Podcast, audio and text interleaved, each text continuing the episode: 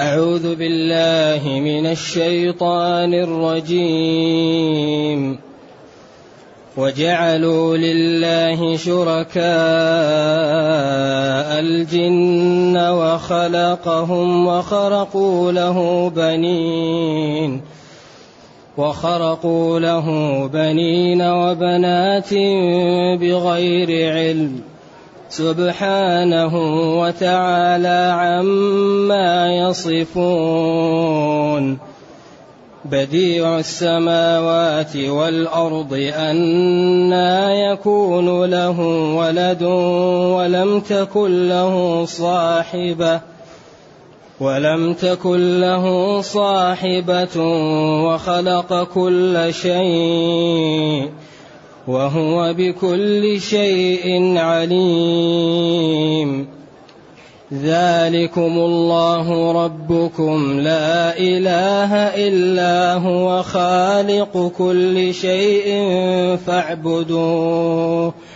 وهو على كل شيء وكيل.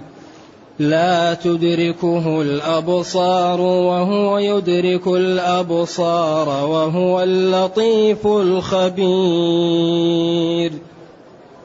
قد جاءكم بصائر من ربكم فمن أبصر فلنفسه فمن أبصر فلنفسه ومن عمي فعليها. وما أنا عليكم بحفيظ وكذلك نصرف الايات وليقولوا درست ولنبينه ولنبينه لقوم يعلمون اتبع ما أوحي إليك من ربك لا إله إلا هو وأعرض عن المشركين. ولو شاء الله ما أشركوا وما جعلناك عليهم حفيظا وما أنت عليهم بوكيل. الحمد لله الذي أنزل إلينا أشمل الكتاب وأرسل إلينا أفضل الرسل وجعلنا خير أمة أخرجت للناس. فله الحمد وله الشكر على هذه النعم العظيمة والآلاء الجسيمة. والصلاة والسلام على خير خلق الله وعلى آله وأصحابه ومن اهتدى بهداه. أما بعد فإن الله تعالى لما بين نعمه على خلقه وقدرته عليهم وما أسدى إليهم أعقب ذلك ببعض كفر من كان في زمن النبي صلى الله عليه وسلم من العرب وممن خالطهم. فذكر قدرته ونعمه الكثيرة والمتنوعة. ثم قبل ذلك بين أن الكفار لم يقدروا الله حق قدره. وأنهم كذبوا في التوراة والإنجيل وأن القرآن جاء مبين وموضح لكل ما يحتاجونه.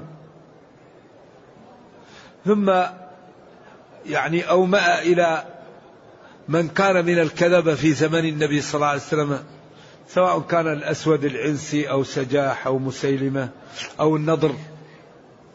الذي كان يأتي بأقاويل الفرس ويحكيها. ثم خوف وهدد وبين ولقد جئتمونا فرادا وأخبر بالماضي تحقيقا للأمر. ولقد لا موطئ القصر. جئتمونا لا غيرنا. فرادا كل واحد الحال كما خلقناكم أول مرة وتركتم ما خولناكم هذا تخويف وتهديد رائع. ثم برهن على ذلك بقدرته ونعمه وما أسداه إلى خلقه فقال جل وعلا إن الله فارق الحب والنوى. هو الخالق. بعدين يخرج هذا من هذا وهذا من هذا على الخلاف في الحي والميت.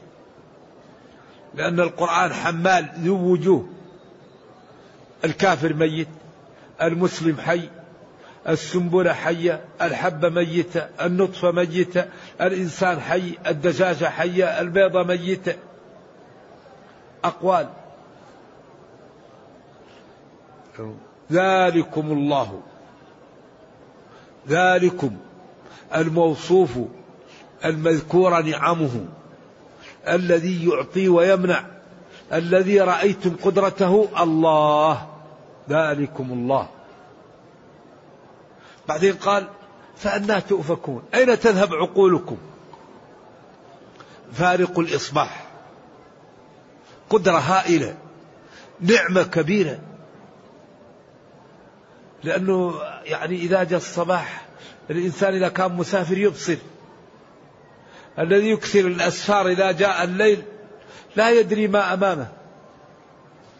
الليل قلق يخاف لكن إذا جاء النهار تطمئن تتحرك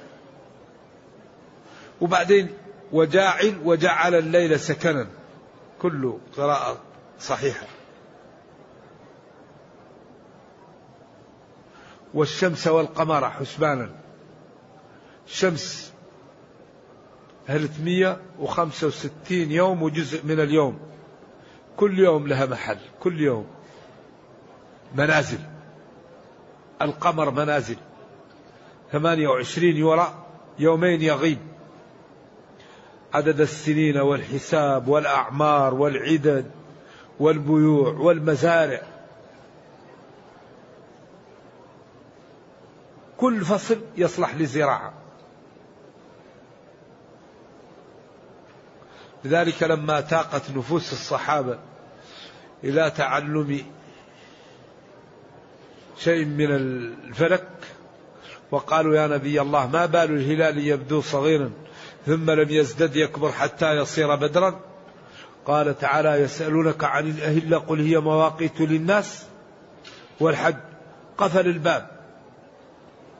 هذه أمور أيوة. هي مواقيت للناس والحج ما في عددهم وبيوعهم ومزارعهم وأسفارهم والحج والصوم. وبعدين بين لهم وليس البر بأن تأتوا البيوت من ظهورها. بين يعلمهم أحكام الشرع وما لا ينبغي أن يسلكوه. والآن الفلك على ما تطور الناس. قال تعالى وما أوتيتم من العلم إلا قليلا. يكفيك أن الآن العلم الموجود لا يؤمن بالسماء. إما منصف يقول لم نرى سماء أو غير منصف يقول لك أصلا لا يوجد سماء كل ما هو صحيح. غير المنصف ينفي بالكلية والمنصف يقول ما رأينا سماء. والله يقول وبنينا فوقكم بنينا بنينا وجعلنا السماء سقفا محفوظا. هذه نصوص صريحة صحيحة. وفي حديث الإسراء أن جبريل يدق الباب من؟ جبريل ومن معه؟ محمد صلى الله عليه وسلم. أو أرسل إليه يفتح الباب. طيب ما هي مسافة السماء من الأرض؟ وما هي مسافة سمك السماء؟ خمسمائة سنة هل هي على الطائرة على الضوء على الجمل؟ المراصد الموجودة والمراكب ما وجدت فقالوا لا يوجد. إذا الله يقول وما أوتيتم من العلم إلى قبل والسماء بنيناها بأيد لا لموسعون قادرون. لذلك نحن امتدحنا بأننا نؤمن بالغيب. المسلمون هدى للمتقين الذين يؤمنون بالغيب. هم وصفوا بأنهم يؤمنون بما ظهر. ألف لام ميم غلبت الروم في أدنى الأرض إلى أن قال يعلمون ظاهرا من الحياة الدنيا. هم علمهم مبني على الظواهر. ونحن نؤمن بالغيب. ما أخبر به ربنا آمنا. لكن هم لا يؤمنوا إلا بما يرى. إما بالتحليل وإما باللش بالمرصد بالمجهر بالمكبر. يحلل إلى أجزاء أو ينظر بالمجهر ويرى. لذلك نحن نؤمن بأشياء هم لا يؤمن بها نعيم الجنة وعذاب القبر والجان هم لا يؤمنوا بهذا. إنه يراكم هو وقبيله من حيث قل أوحي إلي أنه استمع نفر من الجن. هم لا يؤمنوا بجان ولا بالسماء وإنما يؤمنوا بما يرى. لذلك علمهم مبني بالظاهر. يتتبعون ظواهر الحياة ويؤمنون. أما الذي لا يرى لا يؤمن به. بعدين يقول جل وعلا وهو الذي جعل لكم النجوم لتهتدوا بها. هذا نعم وقدرة. يعني مزج بين القدرة الهائلة والنعم الهائلة. بعدين يقول قد فصلنا الآيات لقوم يعلمون. وضحنا الآيات والبراهين لقوم لهم علم. وفي هذا غمز بهؤلاء الذين يكذبون بعد هذه البراهين. وهو الذي أنشأكم من نفس واحدة. كل الخلق أنشأهم من آدم. أخذ من وجه الأرض ثم سواه طين ثم سواه صلصال ثم نفخ فيه من روحه. لذلك قالوا إن الإنسان كل أشكال الأرض موجودة في الإنسان. الأحمر والأبيض والأسود والطيب والبطال والمتوسط. لأن الأرض فيها سبخة الأرض فيها منبت. الأرض فيها ما يمسك الماء. الأرض فيها الذي لا يمسك الماء ولا ينبت قيعان. الناس فيها نوع لا ينفع فيه النصح ولا شيء. خلق عياذا بالله شر. لا يقبل الخير. أعوذ بالله. وبعضها كله خير. يقبل الخير ويؤدي الخير وبعضها يمسك الخير واستفادته منه أقل. رب حامل فقه غير فقيه. لذلك كل أشكال الناس هم يشبهون الأرض لأن آدم خلق منها. لذلك قالوا الرجل دائما يفكر في الأرض لأنه خلق من الأرض. إما يزرع أو يبني أو يسافر. ثم خلق من آدم زوجه من ضلعه. نام فإذا هي خرجت من ضلعه. وخلق منها زوجها. لذلك المرأة تفكر في الرجل لأنها خلقت منه. والرجل خلق من التراب يفكر في التراب. وكل شيء يحن إلى أصله. المرأة تفكر دائما في الزوج وفي الأولاد وفي والرجل دائما يفكر في الدنيا الزراعة والبناء والسفر والبيع يتحرك. نعم. فمستقر ومستودع أقوال. فمستقر في الصلب ومستودع في الرحم أو مستقر في الرحم ومستودع في الأرض. مستقر ومستودع ومستقر ومستودع. كل قراءة سبعية اسم فاعل أو مصدر ميمي. والمقصود إحصاء عمل الإنسان والعلم بما يكون فيه. من بدايته وهو نطفة إلى نهايته في القبر إلى أن يذهب إلى الجنة ويذهب إلى النار. كل محفوظ ومؤجل ومكتوب. وهذا دلالة على القدرة الهائلة وعلى أن العبد مخلوق وأن الله تعالى يجب أن يطاع. قد فصلنا الآيات لقوم يفقهون. لاحظوا أنه قال يعلمون ثم قال يفقهون. لأن الاستقرار والاستيداع هذا في نوع من الفقه. والفقه يعني زيادة الفهم في الأمور والاستنباط. أما العلم فهو إدراك الشيء على ما هو عليه. وهو الذي أنزل من السماء ماء الله.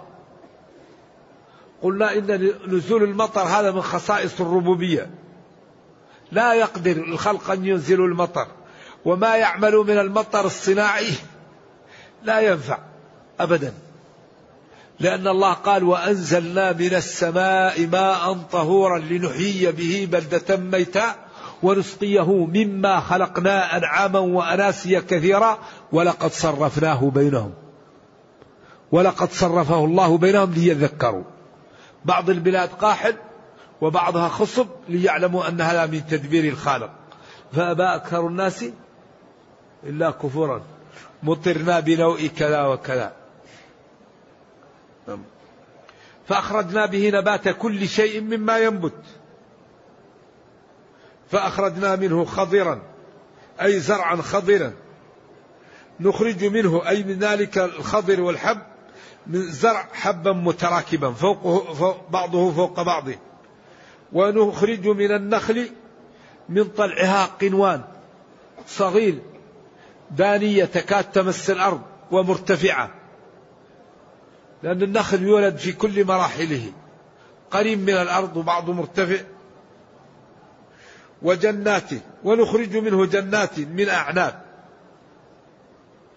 جمع عنب وهو شجر الكرم والزيتون ونخرج الزيتون والرمان.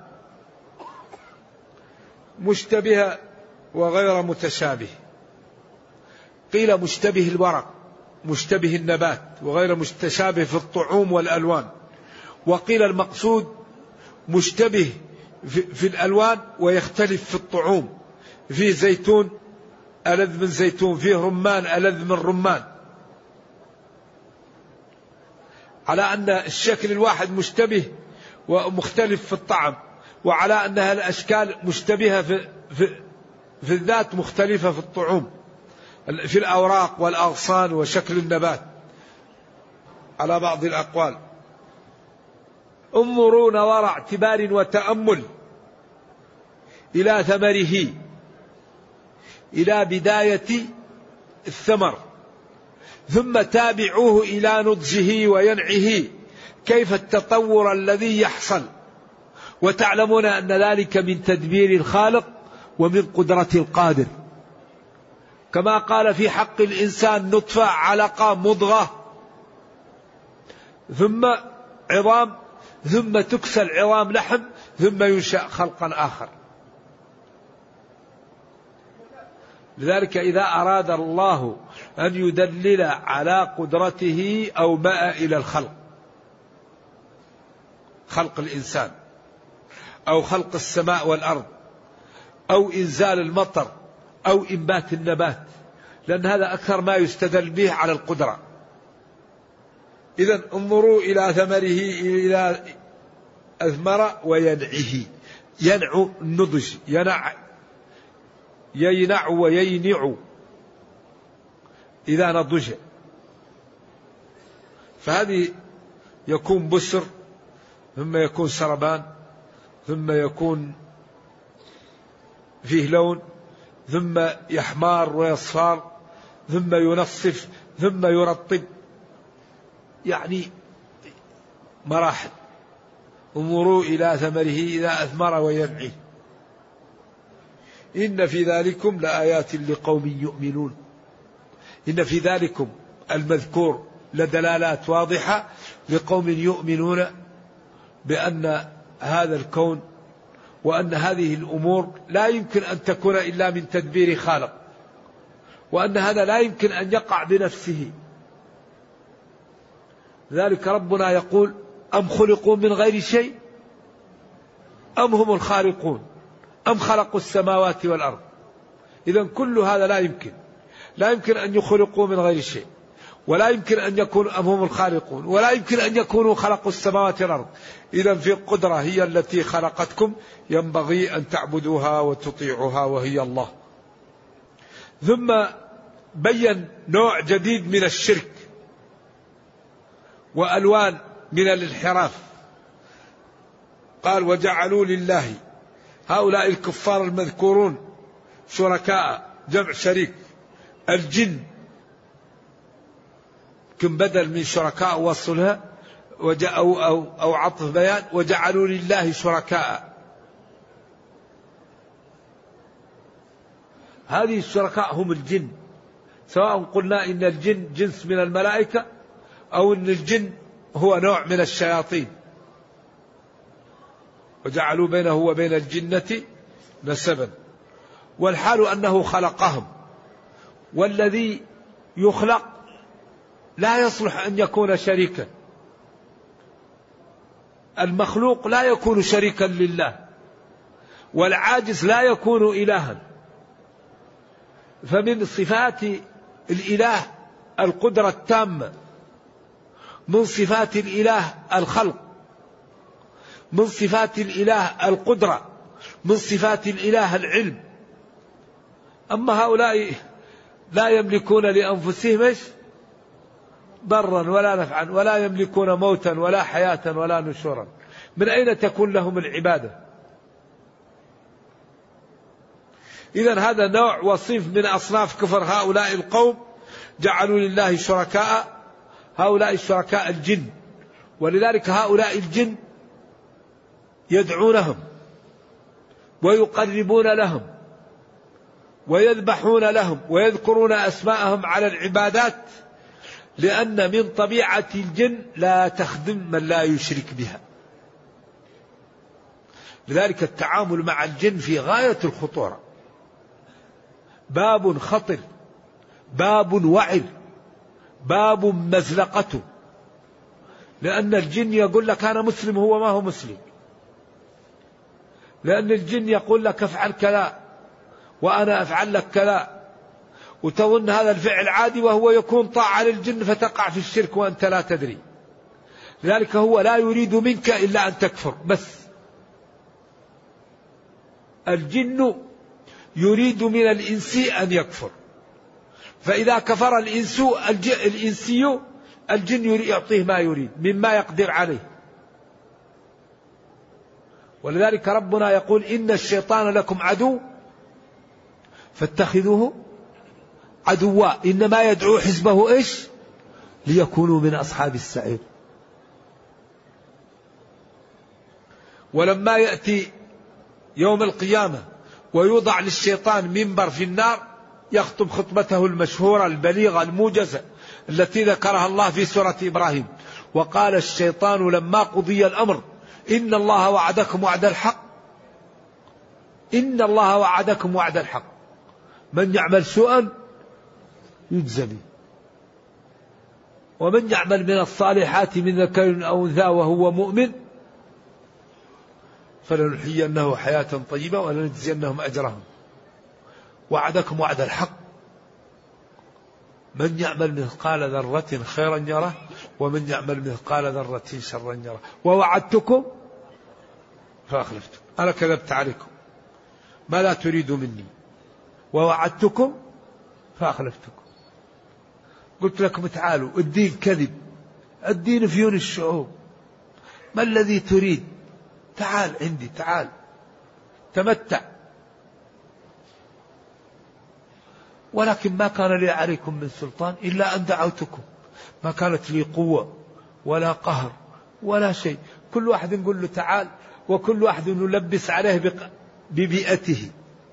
الذي يريد السمعة نأتيه من باب السمعة. والذي يريد المال نأتيه من باب المال. والذي يريد الشهوة نأتيه من باب الشهوة.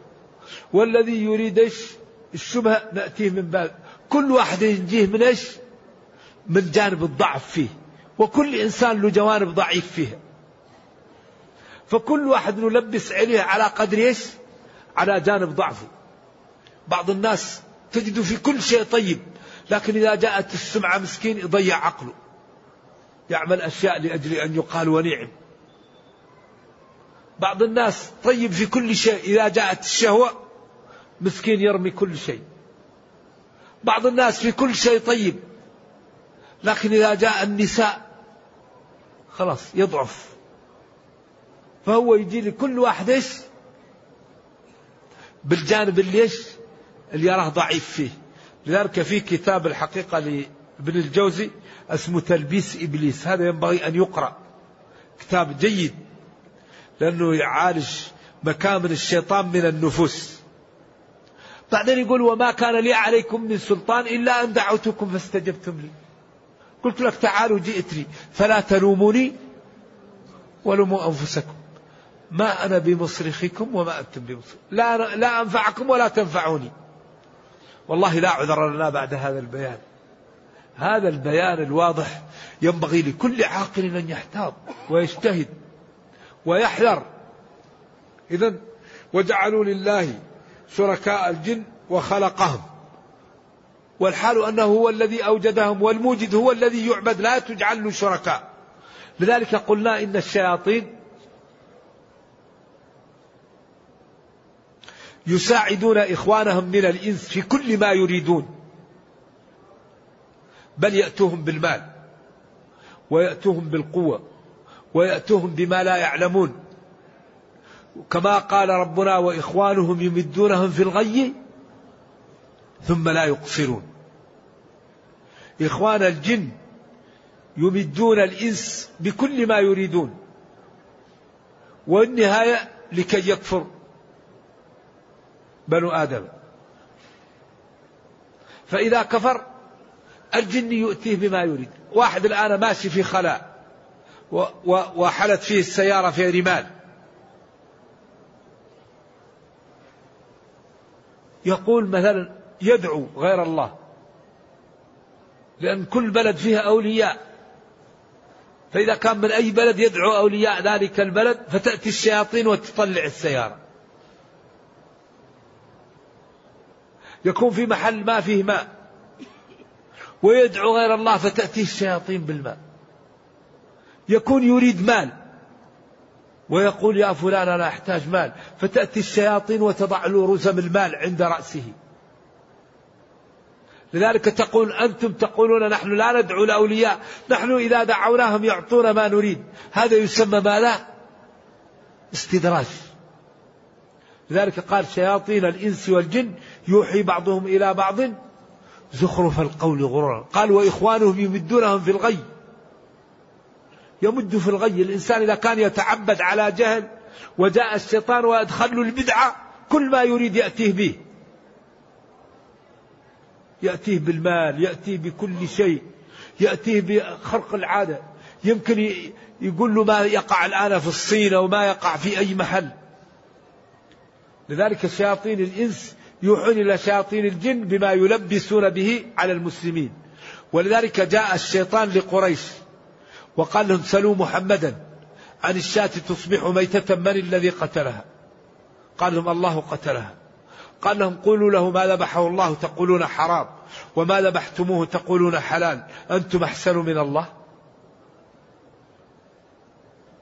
مشكلة هذا الشيطان قال ولا تأكلوا مما لم يذكر اسم الله عليه وإن زعموا أنها ذبيحة الله وإن الشياطين ليوحون إلى أوليائهم ليجادلوكم بقولهم ما ذبحتموه حلال وما ذبحه الله حرام وإن أطعتموهم في فلسفتهم الشيطانية إنكم لمشركون طيب ما الذي يحمي من هذا؟ العلم. العلم هو اللي يحمي. العلم هو اللي يمايز بين الحق والباطل وبين البدعة والسنة وبين الشيطان وبين لمة الملك. هذا العلم هو اللي يحمي. لذلك لا علاج لهذا الجانب إلا العلم والتعمق في الشرع. ومعرفة الحلال والحرام ومعرفة النصوص هذا الذي يحمي المسلم. أما إذا تعبد المسلم من غير علم الله يخلف علينا وعليه. سيأتيه الشيطان ويقول له أفعل ويأتيه الشيطان ويقول له أنا الرسول صلى الله عليه وسلم. والرسول ما قال الشيطان لا يكذب علي قال الشيطان لا يتمثل بي. من رآني فقد رآني ما قال الشيطان لا يكذب علي. وقد يأتيك الشيطان ويقول لك أنا الله. إذا الذي يحميه هو العلم. إذا رأيت رجلا يطير وفوق ماء البحر قد يسير ولم يقف عند حدود الشرع فإنه مستدرج أو بدعي. الفيصل الاتباع الكتاب والسنة. أما الشيطان إذا انحرف المسلم يا سلام. يأتيه بكل ما يريد بالمال وبالجاه وبالسمعة ولكن لازم يصرف له حقوق الله. لازم. ما يتعامل الشيطان مع الإنس إلا بصرف حقوق الله. إذا كثير ممن يرقي ويتخذ الرقية ينبغي أن يحذر من أن يكون يرقي واحد ويقول له أنا إنسي أو أنا مسلم أو أنا يقول لك مسلم هو كافر. يقول لك أنا جنية هو جني ما هو جنية كذابين. ويلبس عليك. ويحاول أن يراوغك حتى إيش؟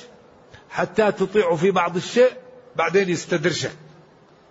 يقول لك أفعل كذا لا تفعل كذا سوي أعمل كذا. وفي النهاية تطيعه وبعدين تقع في مشكلة. لذلك ينبغي لمن كان يرقي أن يرقي بالشرع. سورة البقرة القرآن المعوذتين الأدعية الواردة عن النبي صلى الله عليه وسلم. ارفع الباس اشفي أنت الشافي. اذهب الباس رب الناس. لا شفاء إلا شفاءك شفاء لا يغادر سقما. وبعدين الأدعية الواردة السور الواردة القرآن كله علاج الدعاء. أما استعمال الأشياء وبعدين الذبح والدم وبعدين العصفور وبعدين أو الأش... هذه أمور مشاكل هذه ما يصلح هذا. ويكتب الحروف بالدم. هذا إجرام القرآن لا يمسه إلا المطهرون والدم المسفوح نجس. كيف تكتب القرآن بالدم؟ إذا لأن هذا جريمة يساعدك الشيطان به. إذا لابد أن نحذر وأن نتبع شرع ربنا. ونحذر من المزالق التي وقع فيها كثير من المسلمين. وخرقوا له وخرقوا له. خرقوا من الخرق وهو الاختلاق وخرقوا من التكثير بنين وبنات بغير علم. قالوا الملائكة بنات الله عياذا بالله. سبحانه تنزيها له. وتعالى عما يصفه هؤلاء. من أين يكون له ذلك؟ وهو موجد السماوات والأرض. من غير مثال سابق. ولم يكن له ولد. ولم تكن له صاحبة. وخلق كل شيء. وهو بكل شيء عليم. هذه الصفات هي صفات الله. ذلكم الله ربكم لا ما تصفونه هذه هي صفات الله بديع السماوات والأرض. فلا يمكن أن يكون له ولد ولا يمكن أن تكون له صاحبة. وخلق كل شيء. والولد لا يكون مخلوقا. والصاحبه لا تكون مخلوقه وهو خلق كل شيء. فتعالى عن ذلك. وهو بكل شيء عليم. وهذا تهديد وتخويف لهم من الكفر. ذلكم الله ربكم. ذلكم الموصوف بما تقدم الله. ربكم هو المربيكم وموجدكم. لا إله إلا هو. لا معبود بحق غيره. خالق كل شيء. إيش؟ فاعبدوه. اعبدوه على بما شرع. العبادة تكون بما شرع. لا بزيادة ولا بنقص. والعبادة منقسمة إلى ثلاثة أقسام. عبادة قلبية المحبة الخوف الرجاء التوكل اليقين الكراهية في الله المحبة في الله الموالاة في الله الخشية اليقين. تعلم أن ما أصابك لم يكن ليخطئك. وما أخطأك لم يكن ليصيبك. أفي أي يومي من الموت أفل؟ أيوم لم يقدر أم يوم قدر؟ إذا قدر لازم يقع وإذا لم يقدر لم يقع. قل لو كنتم في بيوتكم لبرز الذين كتب إيش؟ إلى مضاجعهم. إذا لا إله إلا هو. لا معبود بحق إلا هو. خالق كل شيء. كل شيء موجده الله. فاعبدوه مما يخلق. فاعبدوه بما شرع. الله لا يعبد إلا بما شرع. العبادة توقيفية. إذا عبادة قلبية عبادة بدنية كالصلاة والصوم. عبادة مالية كالزكاة عبادة قلبية وبدنية ومالية كالحج. كل أنواع العبادة في الحج. لذلك الحج الصلاة أيضا فيها بذل الوقت والوقت كل شيء ينتج من الوقت. وفيها صوم لأن المصلي لا يجوز له أن يأكل. ذلك من أعظم العبادات الصلاة. إذا فاعبدوه بجميع أنواع العبادات التي شرع. عبادة بدنية عبادة قلبية عبادة مالية. وهو على كل شيء وكيل. كل شيء الله حافظ قائم به يدبر أمره يصلحه. ثم قال جل وعلا لا تدركه الأبصار. وهو يدرك الأبصار وهو اللطيف الخبير. هنا وقفة طويلة لعلماء السنة مع المعتزلة. لأنهم استدلوا بهذا على أن الله لا يرى. وفي فرق بين الإدراك وبين الرؤية. لأن الرؤية هي أن ترى الشيء والإدراك أن تحيط به من كل جهة. والله تعالى محيط بالأمور ولا يحاط به. وما قاله المعتزلة الحقيقة مردود عليهم بالأدلة الكثيرة. لأن موسى قال أرني أنظر إليك والأنبياء لا ينظر لا يطلبون المستحيل. قال لن تراني لأنك خلقت على هيئة لا تتحمل.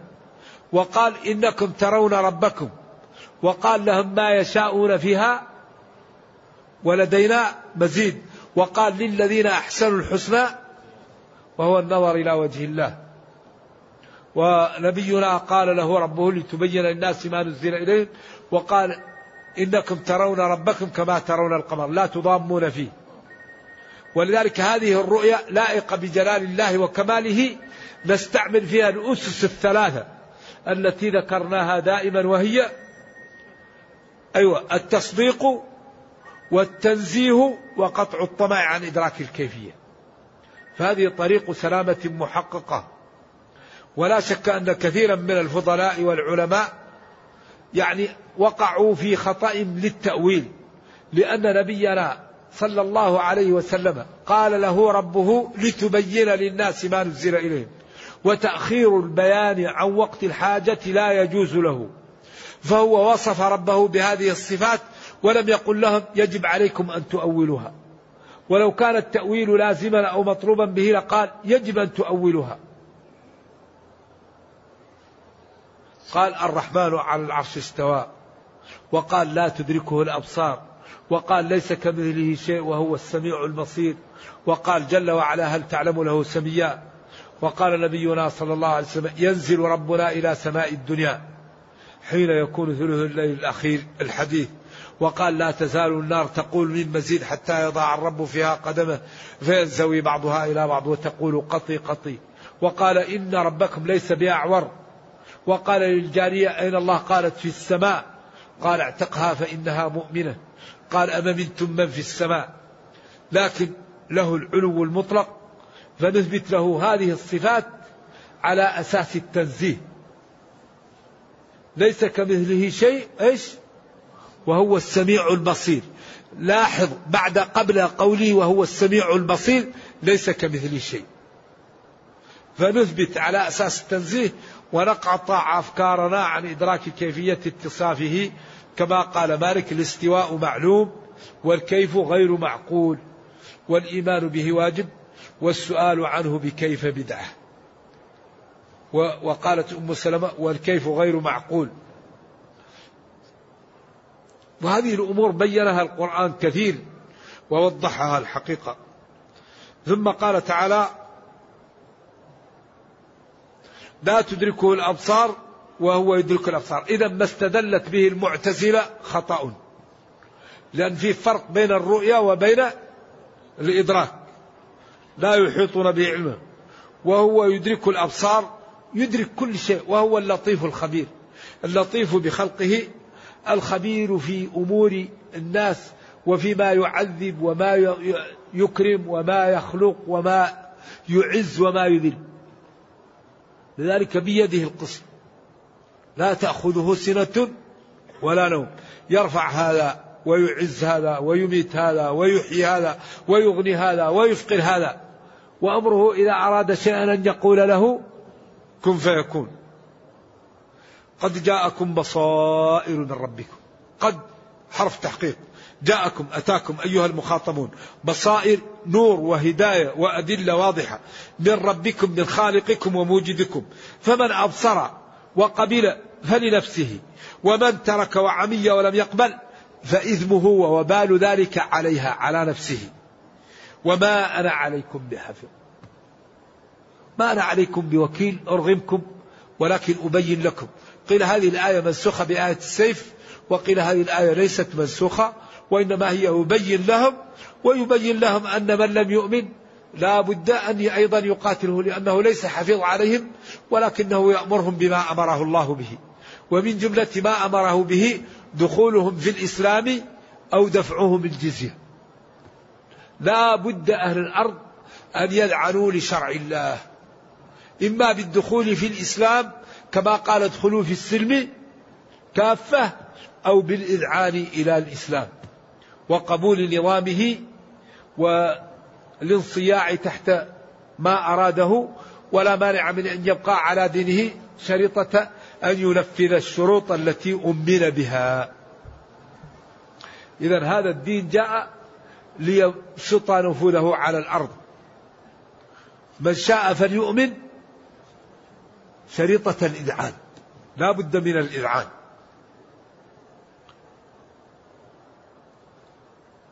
وكذلك نصرف الآيات. نوضحها ونبينها وليقولوا درست درست. وليقولوا درست. تعلمت من, من كما قال يعلمه إيش؟ بشر. قال كيف؟ لسان الذي يلحدون إليه أعجمي وهذا لسان عربي مبين. أو دارست من, من كان معك.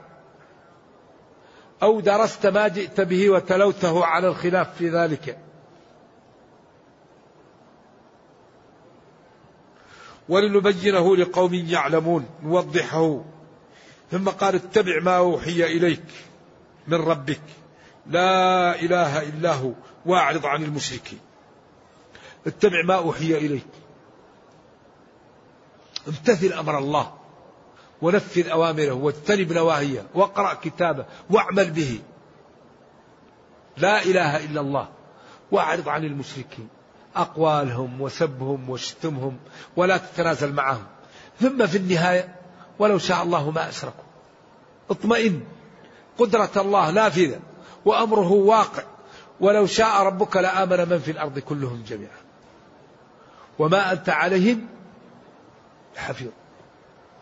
قيل أيضا منسوخة وقيل هذا ليس من المنسوخ وإنما هو من باب اطمئنان النبي صلى الله عليه وسلم وتعليمه وأمره بالبقاء على ما هو عليه.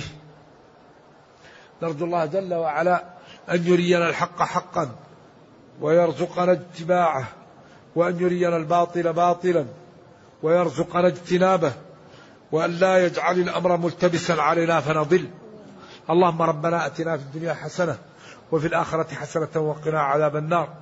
اللهم اختم بالسعادة آجالنا وقم بالعافية غدونا وآصالنا واجعل إلى جنتك مصيرنا ومآلنا يا أرحم الراحمين. اللهم اغفر لنا ذنوبنا كلها دقها وجلها أولها وآخرها علانيتها سرها اللهم إنا نسألك الجنة ونعوذ بك من النار. سبحان ربك رب العزة عما يصفون وسلام على المرسلين الحمد لله رب العالمين. والسلام عليكم ورحمة الله وبركاته. يقول هل تحريم الشيء لذاته أم لعلته؟ مثال الحرير تحريمه لذاته أم لعلته؟ وهو النعومة. التحريم في ذاته علة. وهو ليقول المطيع سمعا وطاعة وليقول العاصي لم حرم هذا وما الفائدة؟ فيدخل هذا الجنة ويدخل هذا جهنم ويظهر في هذا رحمته وكرمه ويحذر في هذا سطوته ونقمته وبضدها تتميز الأشياء.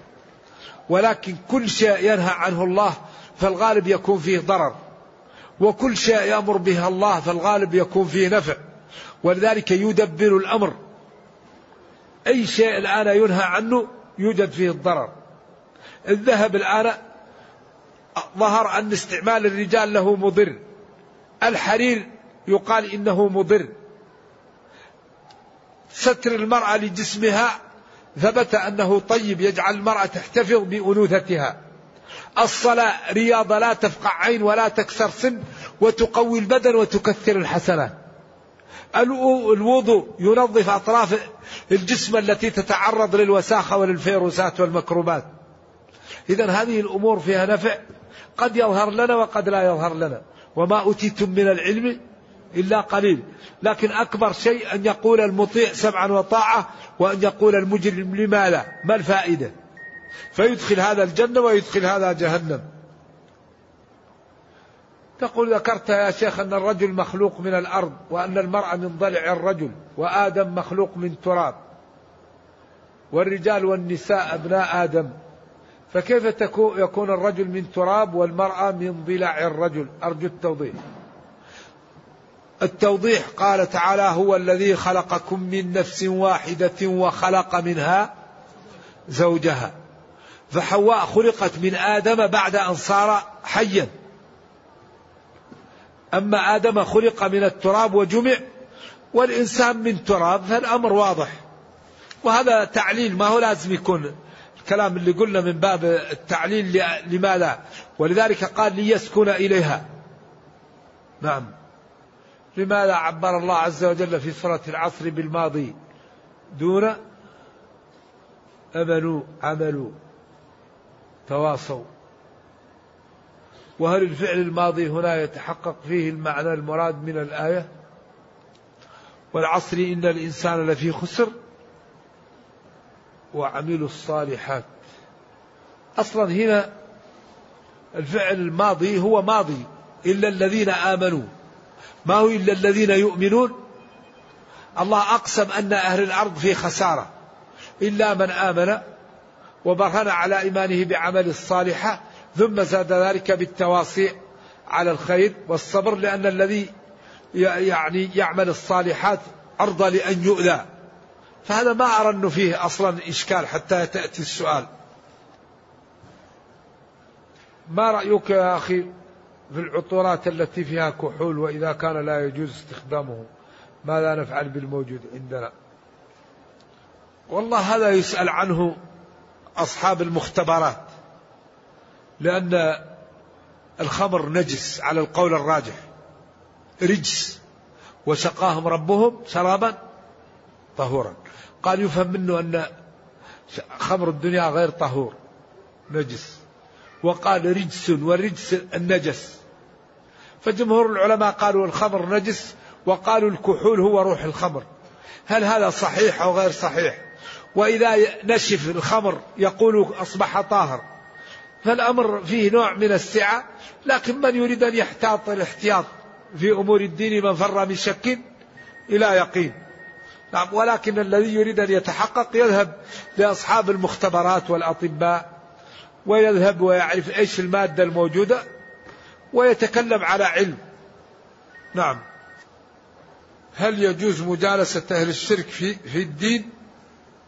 يحضرونه إيش؟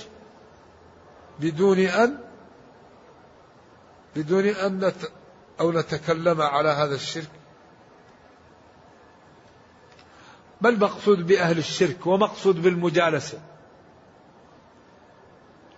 أهل الشرك وأهل الضلال وأهل الانحراف. إذا لم يخالطهم أهل الحق من أين تأتيهم الهداية؟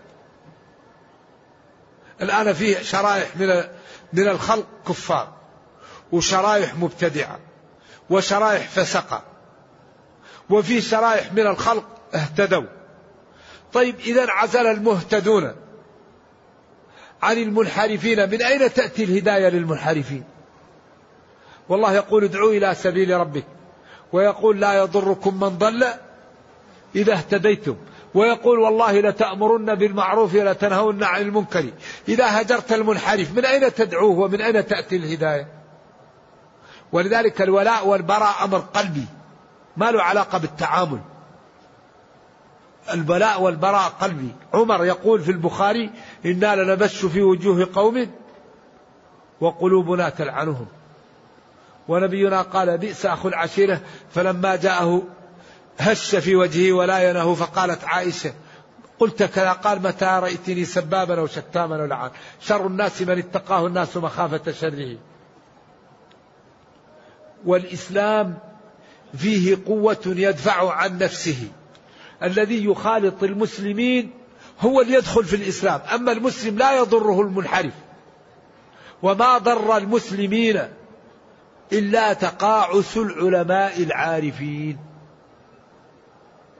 سواء يوم أحد أو في أي يوم من الأيام الذي يضر المسلمين تقاعس العلماء العارفين. عبد الله بن أبي بن سلول انخزل بثلث الجيش وما ضر ذلك.